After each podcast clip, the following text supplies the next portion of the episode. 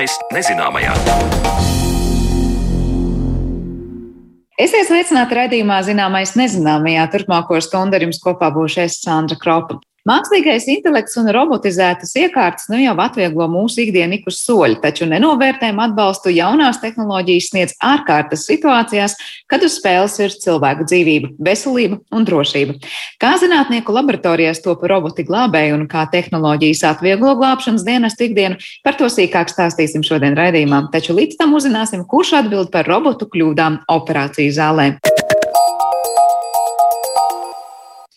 Mākslīgajam intelektam un robottehnoloģijām arvien vairāk ienākot medicīnā aktuālāki kļūst arī dažādi ar pacientu tiesībām saistīti jautājumi. Tostarp, kam uzņemties atbildību, ja mākslīgā intelekta ierīce ikdienas darbā veids kādu tehnisku kļūmi un nodara kaitējumu pacientam. Plašāk par tēmatu stāstīs juridisko zinātņu doktora Karina Palkova un augsto tehnoloģiju izmantošanu praksē iezīmēs ārsts profesors Aivars Lēnieks. Robotu tehnoloģijas medicīnā pat laban jau ir ikdiena, piemēram, robots, kas palīdz sagatavot zāles onkoloģijas pacientiem, vai rehabilitācijas robots, kas palīdz atgūt līdzsvaru un iešanas prasmes, bet bez augstajām tehnoloģijām, kas precīzi pilda dotos uzdevumus, ārstiem pasaulē talkā nāk arī mākslīgais intelekts. Tā lielākā atšķirība, mākslīga intelekta atšķirība, tā ļoti vienkāršota, ka mākslīgais intelekts pats spēj mācīties no saņemtas informācijas, analizēt informāciju, pats pieņemt lēmumus. Bet roboti ir tie, kurus mēs programmējam. Mēs faktiski dodam algoritmus, mēs dodam uzdevumus, un teiksim, robots tos izpildē. Mēs pateicam, ka mums vajag teiksim, zāli A uztaisīt, mēs esam ievadījuši formulu, un viņš Jā. to perfekti izdara. Ja būtu klāts mākslīgais intelekts, piemēram, tad situācija varbūt, varētu būt tāda, ka mēs pasakām, ka vajag zāles, un mākslīgais taisa vēl pieejams kaut ko klāt, jo viņš ir analizējis, ka īstenībā varētu būt labāki rezultāti, un tad, dot tev savu veidojumu. Attīstoties tieši dažādām mākslīgā intelekta tehnoloģijām medicīnā, ir iespējams analizēt arvien vairāk datus, bet tam kļūstot neatkarīgākam, vienlaikus arvien vairāk tiek zaudēta kontrola pār to. Tas nozīmē, ka aktuālāki kļūst arī dažādi tiesiskie aspekti, kurus pēta Rīgas Stradiņa Universitātes juridisko zinātņu doktora Karina Palkova ir tāds ļoti, ļoti mazs robotiņš. Viņš ir nu, nezinu, divi milimetri uh, nanorobots, kuru ielaiž cilvēka ķermenī. Tas mazs kociņš, viens milimetrs.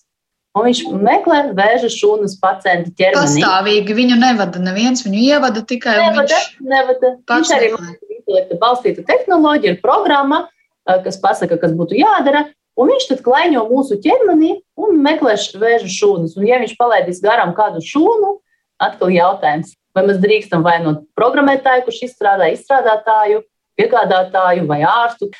Un redzēt, kā ir šobrīd īstenībā, ja nu, gadījumā tehnoloģija nodarīs kādu kaitējumu, uzreiz mums ārsts ir atbildīgs. Bet ar laiku ir jāmaina šī domāšana, jo ārsts ar vienu paliek tāds tehniskāks cilvēks, kurš nevada tehnoloģijas, bet pārauga tehnoloģijas, mm. vairs neatbild pa lielu par tehnoloģiju. Jā, ārstus apmāca šobrīd, kas strādāt ar aparātiem, ar robotiem un tā tālāk. Bet, uh, bet mums jāiet prom no tā, ka ārsts ir atbildīgs par to, ka viņš ir uh, nepareizi pogu nospiedis. Es, protams, tagad tā vispārīgi runāju. Jā. Tas ir transformācijas laiks šobrīd. Bet šeit Latvijā es, es tiešām esmu droši, jo tie radioloģi, ārsti, kas strādā ar mākslīgu intelektu tehnoloģiju, viņi skaidri apzinās, ka tehnoloģijas ir lielisks palīgs, atbalsts. Mm. Un mums Latvijā joprojām ārsti uzticās sev primāri un tehnoloģijas uztver kā tādu lielisku atbalstu, kas šobrīd ir ideāls, eh, ideāls tāds modelis, kā strādāt. Bet jūs pieminat šobrīd, tad uh, ir indikācijas, ka vai pēc citu valstu pieredzes, varbūt vai kā indikācijas, ka uh, ka tas mainīsies, ka tas ir laika jautājums, līdz tā robeža būs šaura, vai te ārsts tad pieņem lēmumu, vai tomēr tas mākslīgais intelekts. Tā ir gan nākotne, gan tagadne. Piemēram, Amerikā dažos štatos jau ir tā, ka lēmumu pieņem mākslīgais intelekts. Un tas, ko dara ārsts, viņš pat uh, savos slēdzienos neraksta, ka tas ir ārsta slēdziens. Slēdziens ir pieņemts pamatoties uz tādas un tādas mašīnas sniegto informāciju, sniegto atzinumu.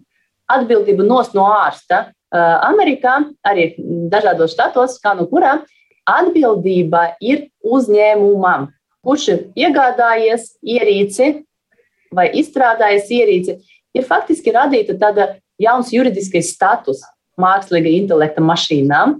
Tad mums ir sabiedrība ar ierobežotu atbildību, vai ne? Mums ir individuāls komersants, bet Amerikā ir tā, mākslīgā intelekta sija. Katra mašīna faktiski ir uzņēmums, un uzņēmuma dalībnieki ir privātpersonas, kas arī ar savu mantu atbild uh, par nodarīto kaitējumu, ja tā mašīna ir nodarījusi. Mākslīgajam intelektam pietuvinātas tehnoloģijas Latvijā pat labam vairāk jau atrodamas diagnostikā.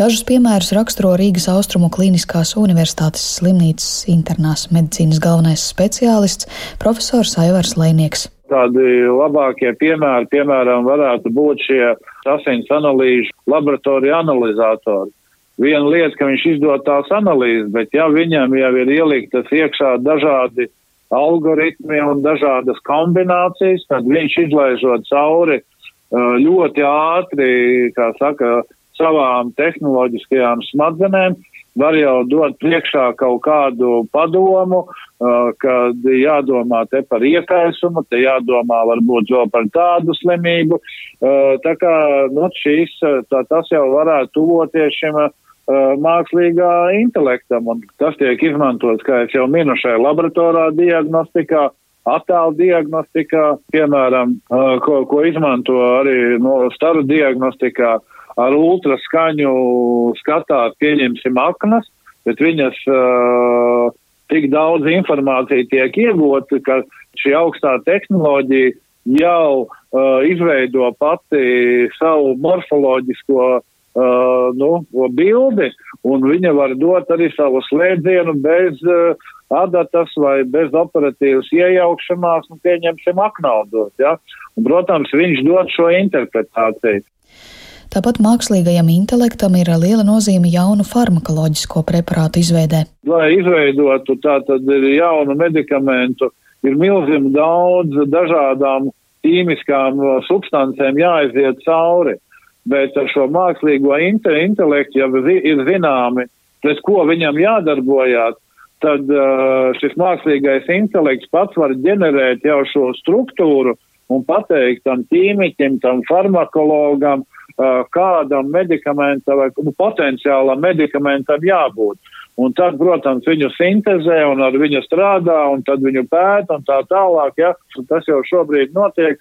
Un faktiski nu, medicīna ir savijusies kopā gan ar šo klīnisko, praktisko pusi, gan ar augstām tehnoloģijām un ar šo mākslīgo intelektu no iezīmēm.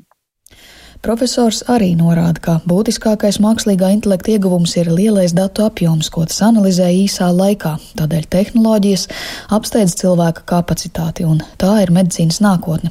Tas gan nenozīmē, ka mākslīgais intelekts vienmēr varēs pacientu ārstēt patstāvīgi. Protams, ka šis mākslīgais intelekts nu, dod uh, lielāku tādu ieguldījumu, nevajag varbūt uh, tik daudz uh, nu, noslogot personālu, viņš var kaut ko citu darīt tajā laikā, bet ja viņam ir šī datu bāze, ka viņš, kā saka, tā kā, nu, es esmu apguvis zinām skaitu zināšanas, un man ir informācija, un es viņu izanalizēju, analizēju, un sinte, sintezēju un dabūnu, kā, ko darīt un kā rīkoties. Un tas ir ļoti vērtīgi kopā ar ārstu, tātad mākslīgais intelekts faktiski to ar viņu diskutē. Ja? Tātad viņš tev pasaka priekšā, tu esi kaut ko izdomājis, un tad uh, pieņem to pareizāko lēmumu, kas šajā konkrētā situācijā ir darāms. Juridisko zinātņu doktora Karina Palkova vērtē, ka ir nepieciešams radīt arī jaunu regulējumu, apzinoties, ka mākslīgais intelekts ir kas vairāk par, piemēram, cilvēka vadītu automašīnu. Vienlaikus juristiem ir izaicinājums jauno regulējumu veidot tā, lai nekavētu tehnoloģiju attīstību medicīnā. Protams, mums šobrīd Eiropa ir izcinājumi. Mums ir uh, regulas, mums ir direktīvas mm, par pakalpojumu sniegšanu, par tehnoloģiju izmantošanu, un šobrīd visi gadījumi, uh, kas saistīti ar mākslīgo intelektu, ar robottehnoloģiem, uh, tiek pakārtoti esošajām regulēm. Mēs to apskatām kā tādu tehniku, mašīnas, uh, pakalpojumu, ierīces, un mēs neatšifrējam detalizētāk, bet atkal, vai mēs varam mākslīga intelekta balstītu tehnoloģiju pielīdzināt automašīnai, nu, tādai, kuru mēs paši pārvaldām? Nu, droši vien nē, jo mēs nekontrolējam mākslīgo intelektu. Mēs dodam viņam ēdienu, vielu, pārdomām, analīzei, un kas būs tālāk, mēs nezinām. Bet savukārt es vadu mašīnu, es apzinos un es pieņemu lēmumu, kurā brīdī man vajag apstāties, palaist gājēju vai nepalaist gājēju vai ne. Es pieņemu lēmumu. Līdz ar to šis problemātiskais jautājums par atbildību Līdzīgi kā jebkurā cilvēka lēmumā, arī mākslīgā intelekta lēmumos pastāv kļūdu varbūtība. Tāpēc būtiski katru mākslīgā intelekta tehnoloģiju iepriekš vairākas reizes arī zinātniski precīzi izvērtēt, pirms tā nonāk apritē, piebilst Lainieks. Izvērtēt, cik viņš ir atkārtojamībā precīzi un kāda ir iespējamā kļūda. Tā kļūda var būt, nu, medicīnā mēs vispār par ticamu skaitam, ka ir 0,05 ticamība, ja, bet jo viņai tās nulītes priekšā būs vairāk, jo tā ticamība būs lielāka. Bet simtprocentīgi ticamība nekad nebūs. Bet tas jautājums arvien vairāk, runājot par cilvēku tiesībām, protams, viņš uh, arvien vairāk nāks priekšplānā, un uh, tad uh, no šos noteikumus diktēs ne tik daudz varbūt šīs tehnoloģijas, nu, cik šīs sabiedrības juridiskās konstances. Ar to ir jārēķinās, ja, jo viena lieta, mēs kā ārsti vai kā mediķi nekad negribam, lai kādam būtu slikti vai uh, nu, notiktu kāda blakne vai no, no nepareiza diagnoze, ja, bet viņas varbūtība ir pieļaujama, un tāpēc uh, vienmēr arī turpmāk būs jāizdifer, no jāatšķir, vai tā ir bijusi nolaidība, ļaunprātība vai neprognozēta situācija, kas arī visdrīzāk arī būs bet tas jautājums vienmēr paliks atklāts. Pat labāk Eiropas Savienība strādā pie mākslīgā intelekta tiesiskā regulējuma, tikmēr RSU pētniece Karina Palkova plāno veidot mākslīgā intelekta pētniecības institūtu arī Latvijā, lai pievērstos tieši tiesiska un ētiska rakstura jautājumiem. Ir uzsākti projekti, kas palīdz pētīt tieši mākslīgā intelekta tiesisko regulējumu un problēmu jautājumus veselības aprūpē. Tagad palaidīsim arī vienu aptauju, kas būs ļoti noderīga mūsu pētījumam. Tieši runāt par radioloģiju, mākslīgo intelektu, lai saprastu sabiedrības nostāju, mm. uzticēšanas līmeni mākslīgajam intelektam. Mums ir Stradiņa Universitāte pētniecības institūts, pētniecības laboratorija. Un es tuvojos tam, ka pētniecības institūts arī tiks izveidots juridiski atsevišķi. Jums ir Rīgas Tehniska universitāte, kas izcili, uh, kuras teiksim, tā, izcili zinātnieki, kas tieši tehniski pēta mākslīgo intelektu, bet tas, ko mēs plānojam, ko es plānoju darīt, tiesiska un ētiska rakstura jautājumus pētīt uh, un, protams, fokusēties uz veselības aprūpi. Par mākslīgā intelekta tiesiskā regulējuma izaicinājumiem stāstīja juridisko zinātņu doktora Karina Palkova un augsto tehnoloģiju pielietojumu medicīnā iezīmēja ārsts profesors Aivars Lēnieks. Bet raidījuma turpinājumā mēs pievērsīsimies robotiem un to lomai glābjot cilvēku dzīvības.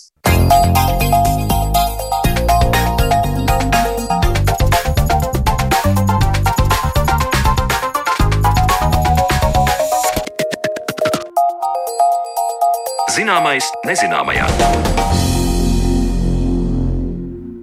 Glābēji ir neaizvietojami nelaimes gadījumos vai dabas katastrofās, taču sevi šajā jomā piesaka arī tehnoloģijas, kas pamazām varētu kļūt par glābēju lielāko palīgu, proti roboti, mākslīgā intelekta sistēmas, droni, iekārtas, kas ļauj ātrāk, veiksmīgāk, efektīvāk glābt cilvēku dzīvības, piemēram, tādos brīžos, kad glābēji nevar notikuma vietā iekļūt pietiekoši ātri.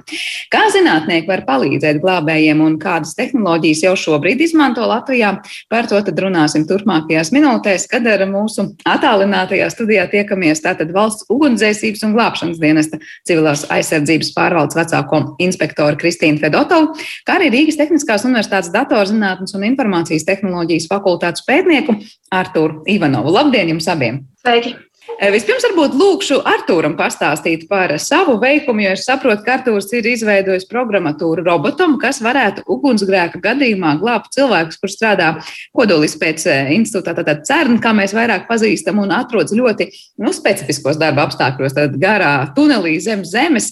Varbūt Artūrs var pastāstīt par to, kas īsti ir izveidots tas par robotu un ko īsti tas dara. Nu jā, kā, jau, kā jau jūs minējāt, um, šis, šis tunelis cenā ir ļoti specifiska būve, nu, respektīvi aptuveni 28 km garš un atrodas aptuveni 100 metrus zem zemes.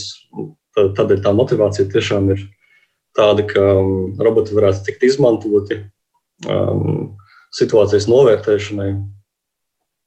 Um, šajos tuneļos, jo ir salīdzinoši, salīdzinoši grūti uh, tiem, tiem piekļūt um, laikā vai teiksim, zem piecām minūtēm.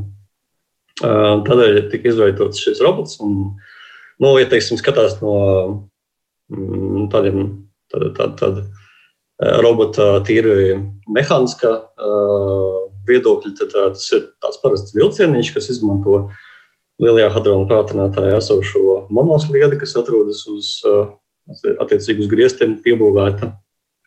Un šis vilcieniņš tad var kursēt pa šo tuneli. Un katrā, katrā vagonā atrodas respektīvi dažādi veidi sensori, dažādas iekārtas, kas varētu palīdzēt vienā vai, vai, vai, vai otrā gadījumā.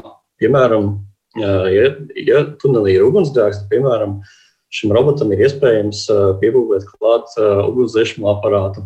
Vai arī, piemēram, uh, um, veikt tādu kā mm, um, šļūtenes piebūvi, lai, lai robots pats pieslēdzās pie ūdens sistēmas un, uh, attiecīgi, spēj uh, dzēst uguns, ugunsgrēku, izmantojot ūdeni. Um, taču vēl svarīgāk, uh, kas arī mūsu, uh, mūsu attiecīgi šajā projektā, uh, ir akcentēts um, šī pati cilvēka glābšana sarežģītos apstākļos. Un, respektīvi, tas, pie kā es strādāju, vairāk bija uh, dažādu sensoru izmantošana, lai spētu detektēt cilvēku klātbūtni. Nu, teiksim, izmantojot infrasekundās kameras vizuālās kameras, dziļuma kameras, lai spētu šo cilvēku atrast dūmos un, un, piemēram, tumsā un tam līdzīgi.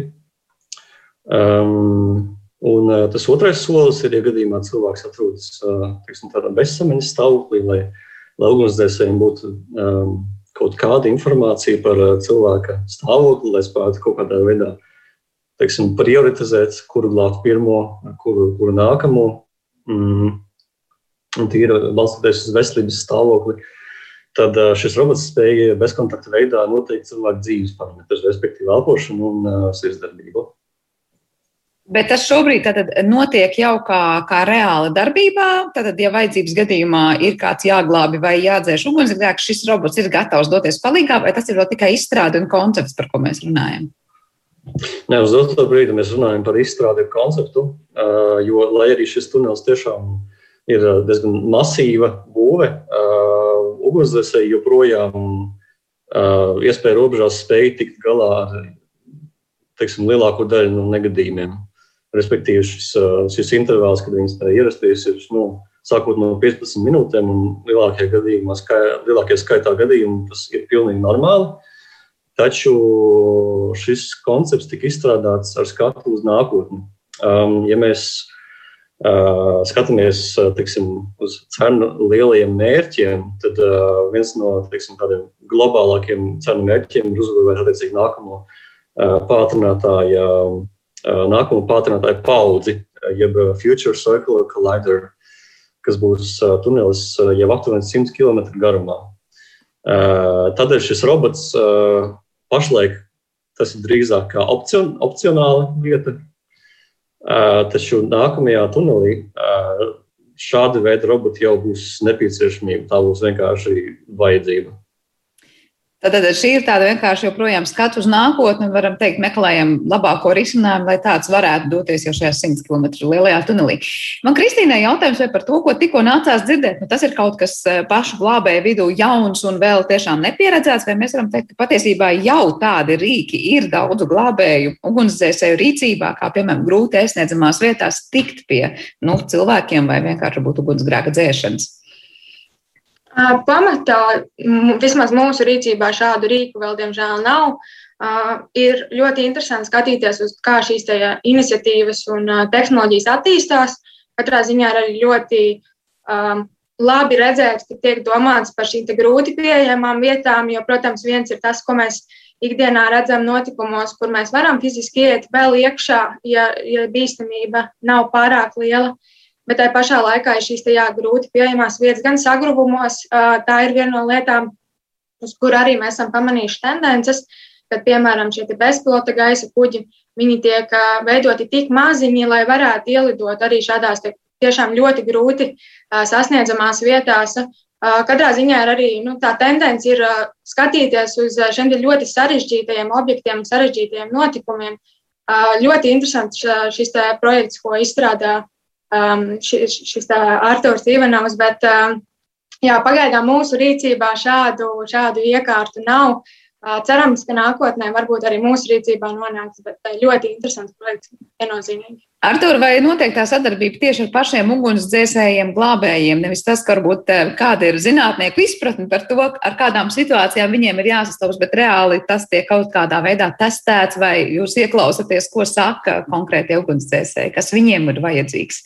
Mēs uh, veicām testus uh, ar ugunsdzēsējiem, ar, to, ar šo ugunsdzēsēju brigādi, kas mm, uh, tieši atbild par notikumiem, kas ir Cernā. Un, jā, viņi bija ļoti interesēti arī šajā, šajā konceptā, bet uh, ugunsdzēsējiem parasti ir um, pragmatiskāka pieeja, jo ir daudz lielākas teiksim, problēmas, kas, kuras nepieciešams uzreiz risināt. Mm, kaut vai, piemēram, uh, nu, teiksim, tajā brīdī, kad uh, man bija saruna ar ugunsdzēsējiem, man, man, man, uh, mums teiksim, radās doma mazliet vairāk piestrādāt pie uh, sensora, kas spētu precīzi noteikt skābekļa daudzumu uh, ugunsdzēsēji uh, attiecīgi šajos skābekļa, uh, skābekļa tvertnēs. Šī viņiem bija ļoti tāda reāla, ļoti, ļoti drīzāk pat degošāka problēma. Um, un nevar, nevar teikt, ka viņus, ne, tagad, kad, ka viņus tajā brīdī neinteresēja cilvēku meklēšana, izmantojot robotus. Tas, tas ir drīzāk saistīts ar to, ka ugunsdzēsējiem, un Kristīna droši vien varēs papildināt, uh, ugunsdzēsējiem ir um, ugunsdzēsēji nevar paļauties uz. Uh, Uz, teiksim, šajā brīdī uz, uz, uz robotu autonomu kaut kādu detektēšanu. Uh, un un pilnībā attiecīgi iziet no šīs situācijas. Respektīvi, vēl arī robots pateiktu, ka tur ir cilvēks vai nav cilvēks, vai viņš elpo vai neelpo, tas nevar tikt simtprocentīgi garantēts eso, ar esošo teiksim, tehnoloģijas līmeni. Ar esošiem prototipiem, pie, pie kuriem viennozīmīgi ir jāpiestrādā. Attiecīgi, šis bija tikai koncepts, ko es atkārtojos. Un obligācijām interesē šis praktiskais risinājums. Respektīvi, pagaidām tas vēl nav tik tik ļoti praktisks, lai, jā, lai tiešām varētu teiksim, izmantot dronus noteikti viņu dzīves parametrus, grubešos un tam līdzīgi. Taču viennozīmīgi eksistē ļoti daudz projektu, kurus atbalsta dažādas Eiropas Savienības finansējuma programmas. Mm, tas ir mērāms desmitos miljonos. Es pieņemu, ka ļoti, ļoti aktīva darbība pie tā visa. Jā, pirms es dodu vārdu Kristīnai, varbūt pakomentēt par to, ar kādām situācijām un kā tieši no, no glābēja puses būtu jārēķinās un, un kas būtu no sensoru varbūt, viedokļa vis, vis, vissvarīgākais. Arturam jautājums, es saprotu, labi, tās atbalsta programmas ir un tas tiek izstrādāts, bet zinu, ka mēs par šo pašu jau bijām dzirdējuši pirms vairākiem gadiem cērna kontekstā izstrādāt. Kā tas notiek, kas mainās pa gadiem, vai, vai var teikt, nu, tur mainās nu, pēc desmit gadiem kaut kas, vai tur gada robežās mēs tiešām varam teikt, tas, par ko mēs runājam 18. gadā ir krietni soļiem pavirzījusi uz priekšu no tā, par ko mēs spriežam tagad. Jā, tas kas, tas, kas mainās un mainās ļoti ātri, ir pašu sensoru iespējas. Ja mums teiksim, bija infrastruktūrās kameras pirms gada, kas maksāja desmitiem tūkstošus eiro, un viņa izšķirtspēja bija 320 vai 240 pikseli, tad tagad, pēc gada, pēc diviem, mums ir jaunas sistēmas, kuras maksā divreiz mazāk, ar divreiz labāku izšķirtspēju un tam līdzīgi. Tad mainās tikai cena šobrīd. Ja es saprotu, viņš kļūst tas robots tā kā nu, realitātei pietuvinātāks, mm. tāpēc, ka maksā mazāk, vai jūs tehnoloģiski attīstat tur kaut ko jaunu? Mm, no vienas puses tas, ka maksā mazāk, plus palielinās sensoru jūtība, slipsvītra izšķirtspēja. No otras puses, samazinās,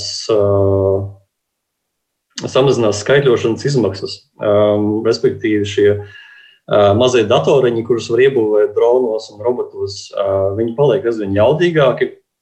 Un tas paver iespējas pētniekiem izmantot arvien jaudīgākus teiksim, algoritmus cilvēku atpazīšanai un tam līdzīgi, kur ir arvien, arvien mazāk problemātiski, arvien labāk un uzticamāk nosaka cilvēku klātbūtni un jebkādu objektu klātbūtni. Kristīnai jautājums, kā ir ar to cilvēku atpazīšanu? Tas šobrīd, piemēram, ja ar to būtu kā sensors, kas pasaka, kurš, kā saka, ir pirmais jāglābj un kurš varbūt ir jāglābj otrais. Tā ir šobrīd tāda tāla realitāte, vai jūs šobrīd ar citiem sensoriem vai citām tehnoloģijām spējat jau to detektēt un noteikt. Kā, kā tas darbs notiek šobrīd? Pamatā šobrīd ir tā, ka uh, mēs dienestā no šādām tehnoloģijām izmantojam bezpilota gaisa kuģus, jeb dronus. Uh, dienestam bija iespēja izmantot um, uh, vienu no Eiropas Savienības uh, projekta iniciatīvām un šos dronus iegādāties. Uh, ļoti aktīvi jau mēs viņus arī izmantojam dažādās, um, dažādos notikumos. Uh, Uh, šajā gadījumā par uh, cilvēku atpazīšanu uh, mēs varam viņus atpazīt tik tālu, cik mēs ķermeņa temperatūru redzam termokamerā. Tas ir sensors, kur mēs izmantojam. Šajā gadījumā, protams, tas mums neprāda šīs dzīvības pazīmes. Tam šie droni nav piemēroti, bet uh, uztvert uh, ķermeņa temperatūru, piemēram, atklātā vietā ārā, mēs esam testējuši. Uh, to mēs izdarīt varam. Bet šajā gadījumā, ja tas ir piemēram sagrūmā vai māja, mājā, kura ir, kurā notiek ugunsgrēks, tad šajā gadījumā šī te termokamera nepalīdzētu, jo ugunsgrēka temperatūra ir daudz lielāka par cilvēku ķermeņa temperatūru. Sacīgi šajā brīdī mēs par šādām tehnoloģijām vēl tikai varam cerēt uz nākotni, kad tās varbūt nonākt arī mūsu rīcībā. Šobrīd, šobrīd ar šādiem sensoriem mēs vēl nestrādājam. Bet, Artur, cik tas ir tehnoloģiski iespējams? Nu, piemēram, ugunsgrēka gadījumā, tajā pašā pieminētajā tunelī, ja ir jāsaskata cilvēks un jāsaprot, kurš ir jāglābj, tikko Kristīna teica, ugunsgrēka temperatūra būs vienmēr augstāka par to, kāda ir mhm. cilvēka ķermeņa temperatūra. Kā jūs tur neapjuksiet, vai nebūs tā, ka beig beigās ugunsgrēka gadījumā varbūt sensori vienkārši neveiks savu funkciju? Nu, jā, tas ir vienmēr atklāts jautājums, jo nu, temperatūra viennozīmīgi būs augstāka nekā cilvēka ķermeņa temperatūra, bet tā ir, vienī, nu, tā ir, teiksim, tā ir viena no iezīmēm. Uh, nu, tur var skatīties, tur var uh, izmantot, protams, vairākas iezīmes, piemēram, uh, piemēram šīs uh, temperatūras. Uh, distribūcijas reģionus. Tiksim, ja, ja šis reģions vairāk vai mazāk atgādina cilvēku, cilvēku siluetu un tam līdzīgi, tad attiecīgi šeit jau ir otra iezīme. Nē, bet eh, es domāju, ka, piemēram, ir jāatrod cilvēks ar ķermeņa temperatūru 37, piemēram, grādi, mm -hmm. un apkārt ir ugunsgrēks, tad jau vienalga, vai tur ir cilvēka ķermeņa iezīmes vai nav ķermeņa iezīmes, tā temperatūra būs krietni zemāka. Vai to spēs šis sensors parādīt, vai tur jūs pēc kaut kādiem pilnīgi citiem rādītājiem spēsiet to cilvēku atpazīt? Nu, jā, es, es, es saprotu, ko jūs sakat, bet um, atkal atgriežoties pie šīs temperatūras, liecīgi. Uh, izņemot gadījumu, kad šī temperatūra būs pilnīgi uniforma visā, visā reģionā, vienmēr būs kaut kādas temperatūras distribūcijas. Es pilnīgi piekrītu, ka cilvēka atpazīšana uguns, ugunsgrēkai, teiksim, tuvu ir liesmas un karstums, tad tas ir viennozīmīgi grūtāk. Tas nav neiespējami. Tad, tur ir nepieciešami daudz intensīvāki algoritmi, kuri izmanto vairākas iezīmes.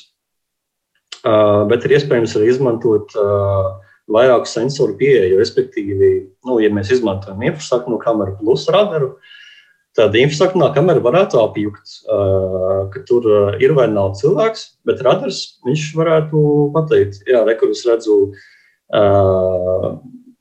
šīs elpošanas pazīmes tik un tik elpošanas minūtē. Attiecīgi, nu, tas nav skats, tas nav, tas nav suns, tas, tas, tas ir cilvēks. Um, attiecīgi, šo datu sapildināšana ļoti, ļoti svarīga, um, kas pašlaik arī ir nu, viens no aktuāliem tādiem izpētes uh, tematiem.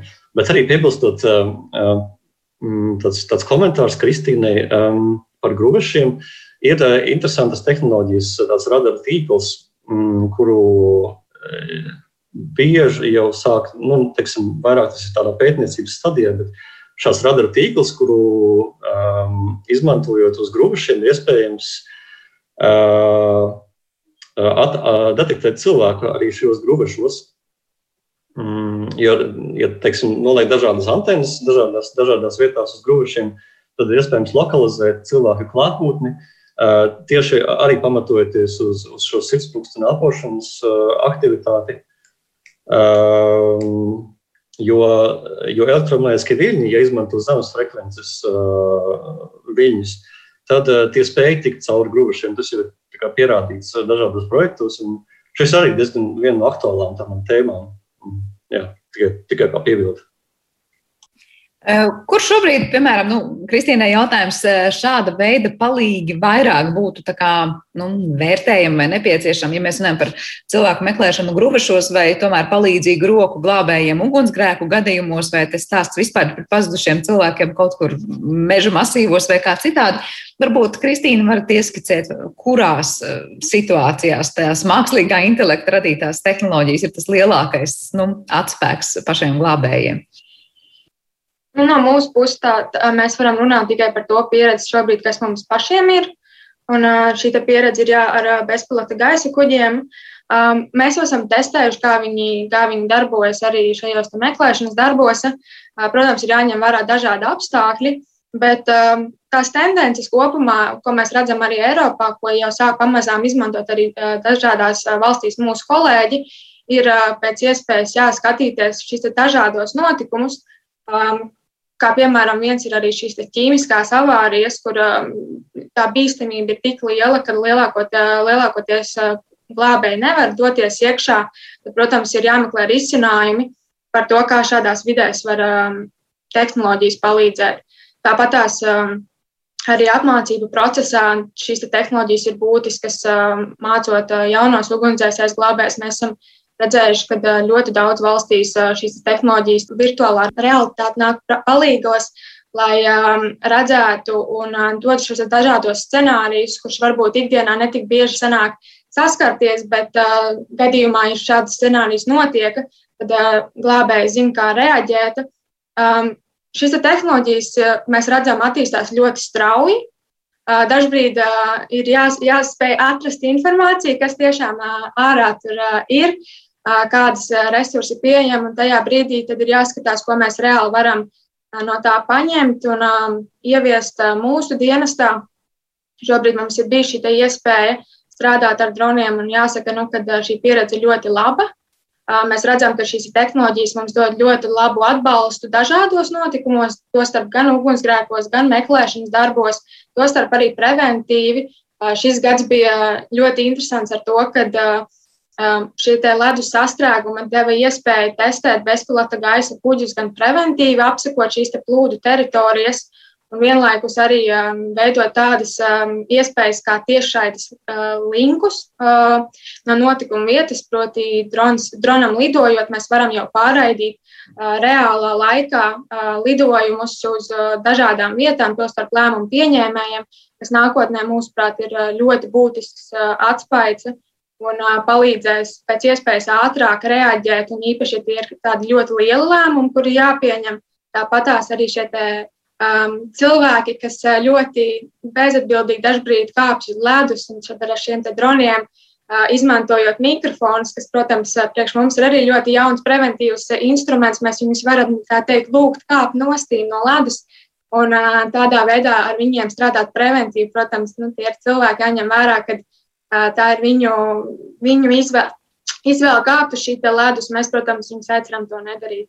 Nu, ir ļoti interesanti tas, cik daudz mēs varam strādāt preventīvi. Ir, tas ir tas, uz ko mēs arī kā, redzam nākotnē, šos izaicinājumus un iespējas. Jo, protams, viens ir tas, ka mēs varam reaģēt uz notikumu, bet ļoti būtiski ir redzēt eh, šo ieguldījumu no tehnoloģijām tīri preventīvajā darbā, jo labāk ir, ka mēs varam eh, šos notikumus, un jo īpaši smagus notikumus ar ļoti smagām sekām novērst preventīvi vai vismaz mazināt. šīs sekas. Un, tas ir bijis labs piemērs vismaz strādājot ar droniem. Vai varat ieskicēt, nu, kāda ir tā laika ziņā atšķirība, ja glābējam palīgā nāk šīs mākslīgā intelekta radītās tehnoloģijas, cik ātri ir iespējams kaut ko izglābt, nodzēst vai būt notikuma vietā, un kas notiek, ja šāda te palīgu nav? Nu, cik mēs runājam par minūtēm, stundām, par ko mēs runājam? Runāt par minūtēm varbūt būtu nedaudz sarežģīti, jo tā būtu savā ziņā spekulācija. Jo ir, protams, jāskatās, kāds ir šis notikums. Tas, ko mēs esam pamanījuši, un kas ir šis drona lielais palīgs, ir, piemēram, lielos ugunsgrēkos aizbraucot uz vietu, kur tu redzi, ka tev ir ļoti, ļoti liela teritorija vai ēka, kur ir vairākos stāvos. Un, tas brīdis, kad tev ir jāveic šī izlūkošana, lai saprastu, kāda būtu labākais resursu izvietojums, tad dronu var ļoti ātri pacelt. Tas ir tiešām minūšu, sekundžu jautājums. Līdz ar to šo te teritoriju var apsekot, un, un ar termokamerām mēs redzam, kur ir šie karstākie punkti. Līdz ar to mēs saprotam, kā organizēt dzēšanas darbus, tāpat tās arī meklēšanas darbos. Um, pagājušais gads ieskicēja vienu gadījumu, kur uh, zēns bija peldējis pāri uh, upei, uh, un šie meklēšanas darbi ar uh, cilvēku resursiem uh, ir likās, ka neatradīsim, un cilvēki jau arī minēja, ka uh, gan jau, ka zēns ir aizgājis mājās, bet uh, tomēr paceļot šo dronu, pēc pāris minūtēm zēns tika atrasts, un uh, mūsu droniem ir arī šī koordināšu sistēma. Proti, ja, ja drons atrodas uh, virs šī objekta vai uh, personas, mēs dronā varam nolasīt koordinātas, un mēs zinām, uz kurien ir jāsūt šī glābšanas laiva, Un, šis būtu arī bijis tajā brīdī, mums, diemžēl, vēl nebija drons ar mikrofonu, bet tajā brīdī mēs būtu varējuši uzrunāt šo zēnu un teikt, viss kārtībā, palīdzība ir, palīdzība ir ceļā un ka nevajag uztraukties. Un, tas, protams, ir tas, kas stresa situācijā mm, ir viens, ko mēs varam, protams, sniegt šo palīdzību, bet cilvēks ir satraucies. Mēs viņu varam uzrunāt un teikt, ka viss ir kārtībā, palīdzība ir ceļā. Īpaši, ja šis pusaudzis zēns uh, ir sabijies un netiek atpakaļ, puscelas uh, upes vidū, tad, uh, protams, labs resurs, kā, kā nomierināt cilvēku. Katrā ziņā jā, runāt par minūtēm vai, vai sekundēm ir grūti. Mūsu darbā ir jāņem vērā, ka katra sekunde var būt izšķiros cilvēku glābšanā, bet uh, atspējas ir ļoti liels. Droni snieguši ļoti lielu atbalstu, Un tīri organizējot šos glābšanas darbus vai uguns, ugunsgrēka dzēšanas darbus, tas ir kā papildus ļoti labs rīks, ko mēs esam ļoti apzinīgi izmantojuši un novērtējam kā būtisku palīdzību. Šeit pat varbūt ne tik daudz par sekundēm stāst, cik par to redzes lauku no augšas skatoties. Tur varbūt uzreiz ir iespējams paskatīties, kurā virzienā jāmeklē. Arturam man jautājums diezgan par sekundēm runājumu un minūtēm. Ja tādā cernu tunelī notiek šis, te, nu, es nezinu, ugunsgrēks vai kāda cita veida palīdzība ir jāsniedz kaut kam, kas ir tuneļa vidū, kā šāda tehnoloģija palīdz, piemēram, nu, samazināt to laika intervālu? Ja mēs runājam par to, ka tur varētu vispār iekļūt cilvēks glābējs, vai tas arī ir stāsts par sekundēm, minūtēm, kur tehnoloģija būs ātrāka par jebkuru dzīvu ugunsdzēsēju vai dzīvu glābēju? Jā, nu šajā gadījumā, šajā gadījumā objekta struktūra pati par sevi nosaka to, ka tiešām robots būs ātrāks, jo nu, mums ir pavisam cits koncepts. Cenā ir pavisam cits šis koncepts.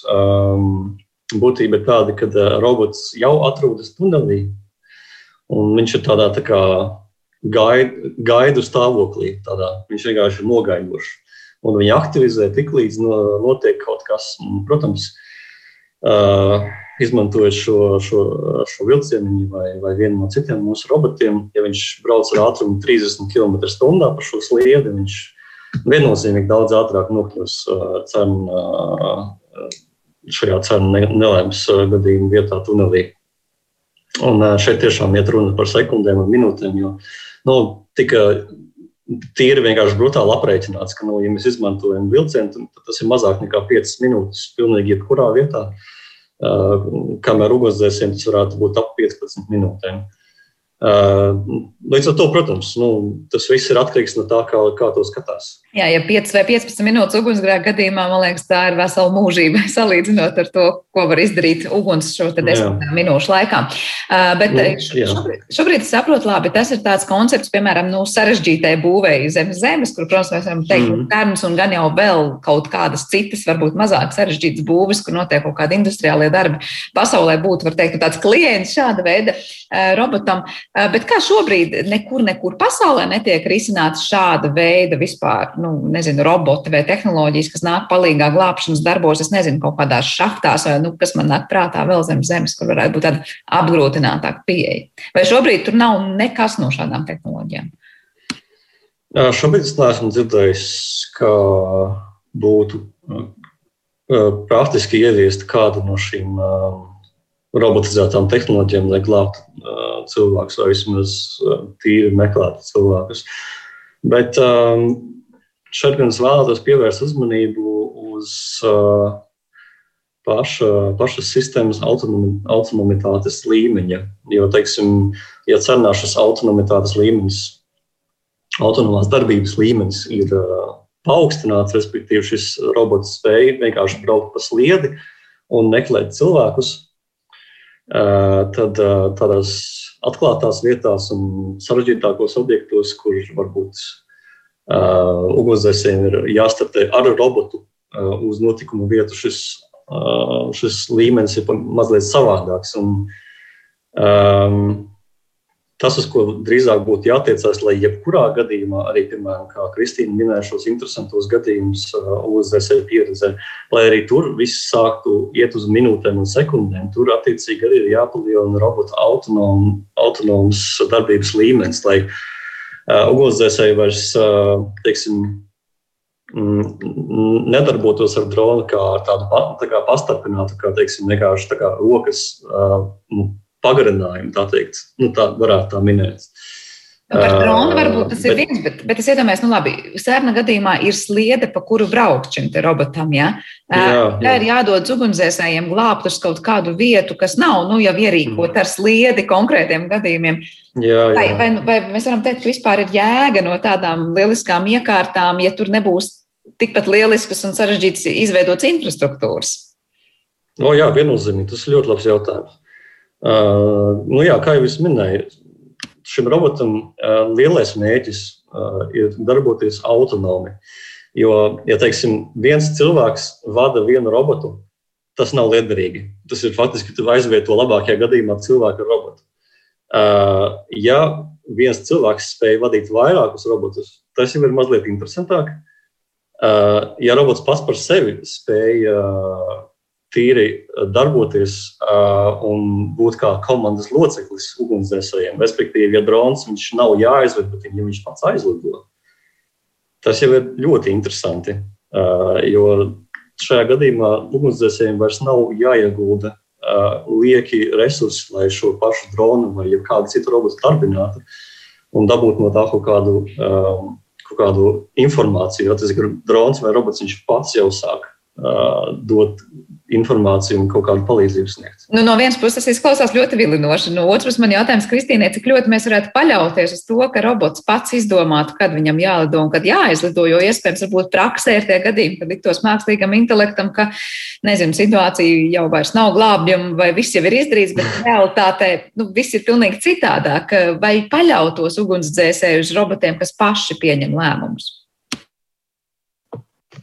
Mums, protams, ir jāskatās uz to, kā notiek šie glābšanas darbi un ugunsdzēšanas, uh, ugunsgrēku dzēšanas darbi. Uh, joprojām notikuma vietā ir šis glābšanas darbu vadītājs, kurš ir fiziska persona, un uh, viņš arī ir tas, kurš pieņem šos lēmumus par rīcību. Protams, uh, ja ir jebkāds atbalsta mehānisms, vai tas ir drons, vai tas ir robots, tas ir kā papildus rīks, bet jebkurā gadījumā šis lēmumu pieņem cilvēks, kāda šī taktika tiks izmantota, kāds būs resursu sadalījums, jo tomēr šī atbildība ir. Un uh, ir ļoti būtiski saprast, uh, kas ir tas, tas labākais scenārijs. Bet runājot par tādu autonomu darbu, uh, mēs varam minēt vienu piemēru, ko mēs paši arī izmantojam, un tā ir kartēšana. Mums ir divi multifunkcionāli droni, kuri šim mērķim tika arī iegādāti.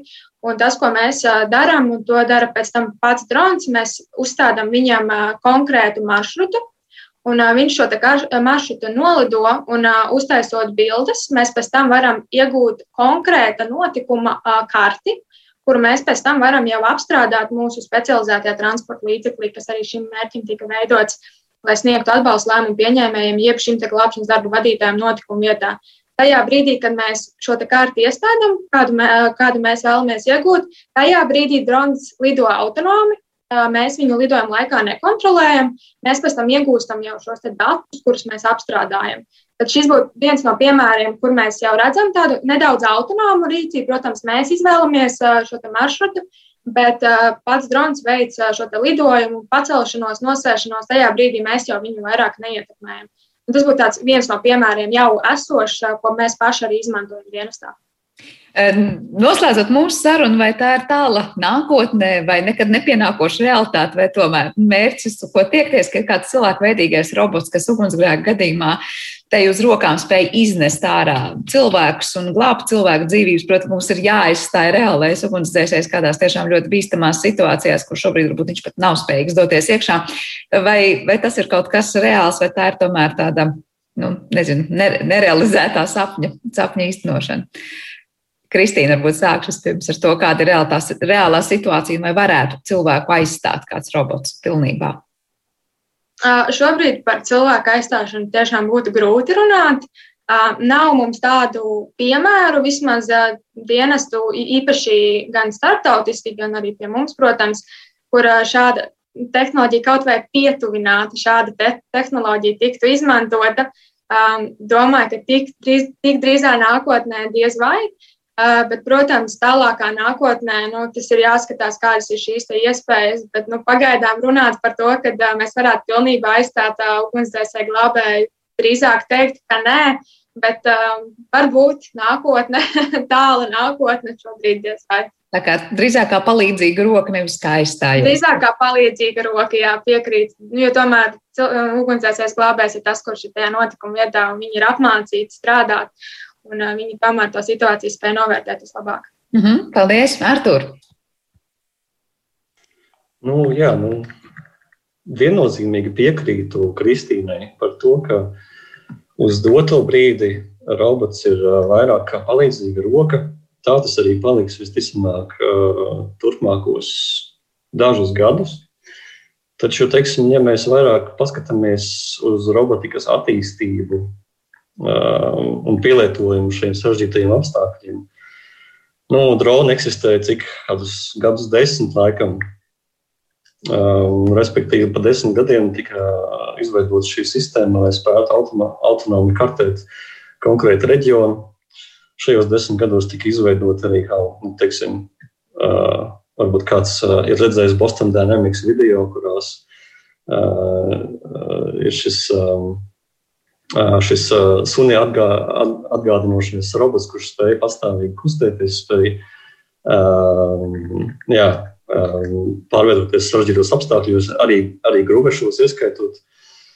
Tas notika desmit gados. Nu, respektīvi, es domāju, ka tā nākotne nav tik tālu. Es domāju, ka jau pēc pieciem, vēl, varbūt vēl desmit gadiem, visticamāk, varēs runāt par kaut kādu um, konkrētu ugunsdzēsēju darbības aizstāšanu ar kaut kādām robotizētām iekārtām. Kaut vai, nu, kaut vai situācijās, kad tiešām pašiem ugunsdzēsējiem ir pārāk, pārāk bīstami tur iekļūt, kā mēs redzējām Parīzes divmātes katedrāls gadījumā. Um, respektīvi, jā, mans skats ir vairāk tāds, ka nu, tas nav pārāk tālu. Jāpavar mazliet durvis tikai. Jā, nu, droši vien kaut kur patiesība ir pa vidu. Ja no vienas puses vajag liels, tālajošs mērķus un augstus sapņus, un tāpat laikā varbūt vajag tādu praktisko pieredzi un praktisko skepsi vairākos gadījumos, bet, eh, kas zina, varbūt tieši tur pa vidu rodas tie īstie risinājumi, kas pēc tam tiešām daudziem cilvēkiem glābas dzīvības. Nu, ko, liels paldies jums abiem par sarunu un noteikti, lai veicas visos turpmākajos darbos, gan glābjot, gan meklējot risinājumus, kā labāk glābt. Es atgādināšu mūsu klausītājiem, ka mūsu attālinātajā studijā šeit viesojās Valsts ugunsdzēsības un glābšanas dienas civilās aizsardzības pārvaldes vecākā inspektora Kristīna Fedotova, kā arī Rīgas Tehniskās universitātes datorzinātnes un informācijas tehnoloģijas fakultātes pētnieks Artūrs Ivanovs.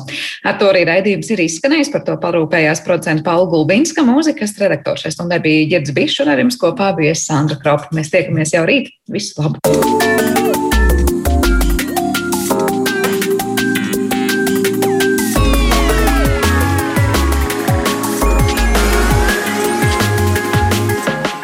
Zināmais nezināmajā.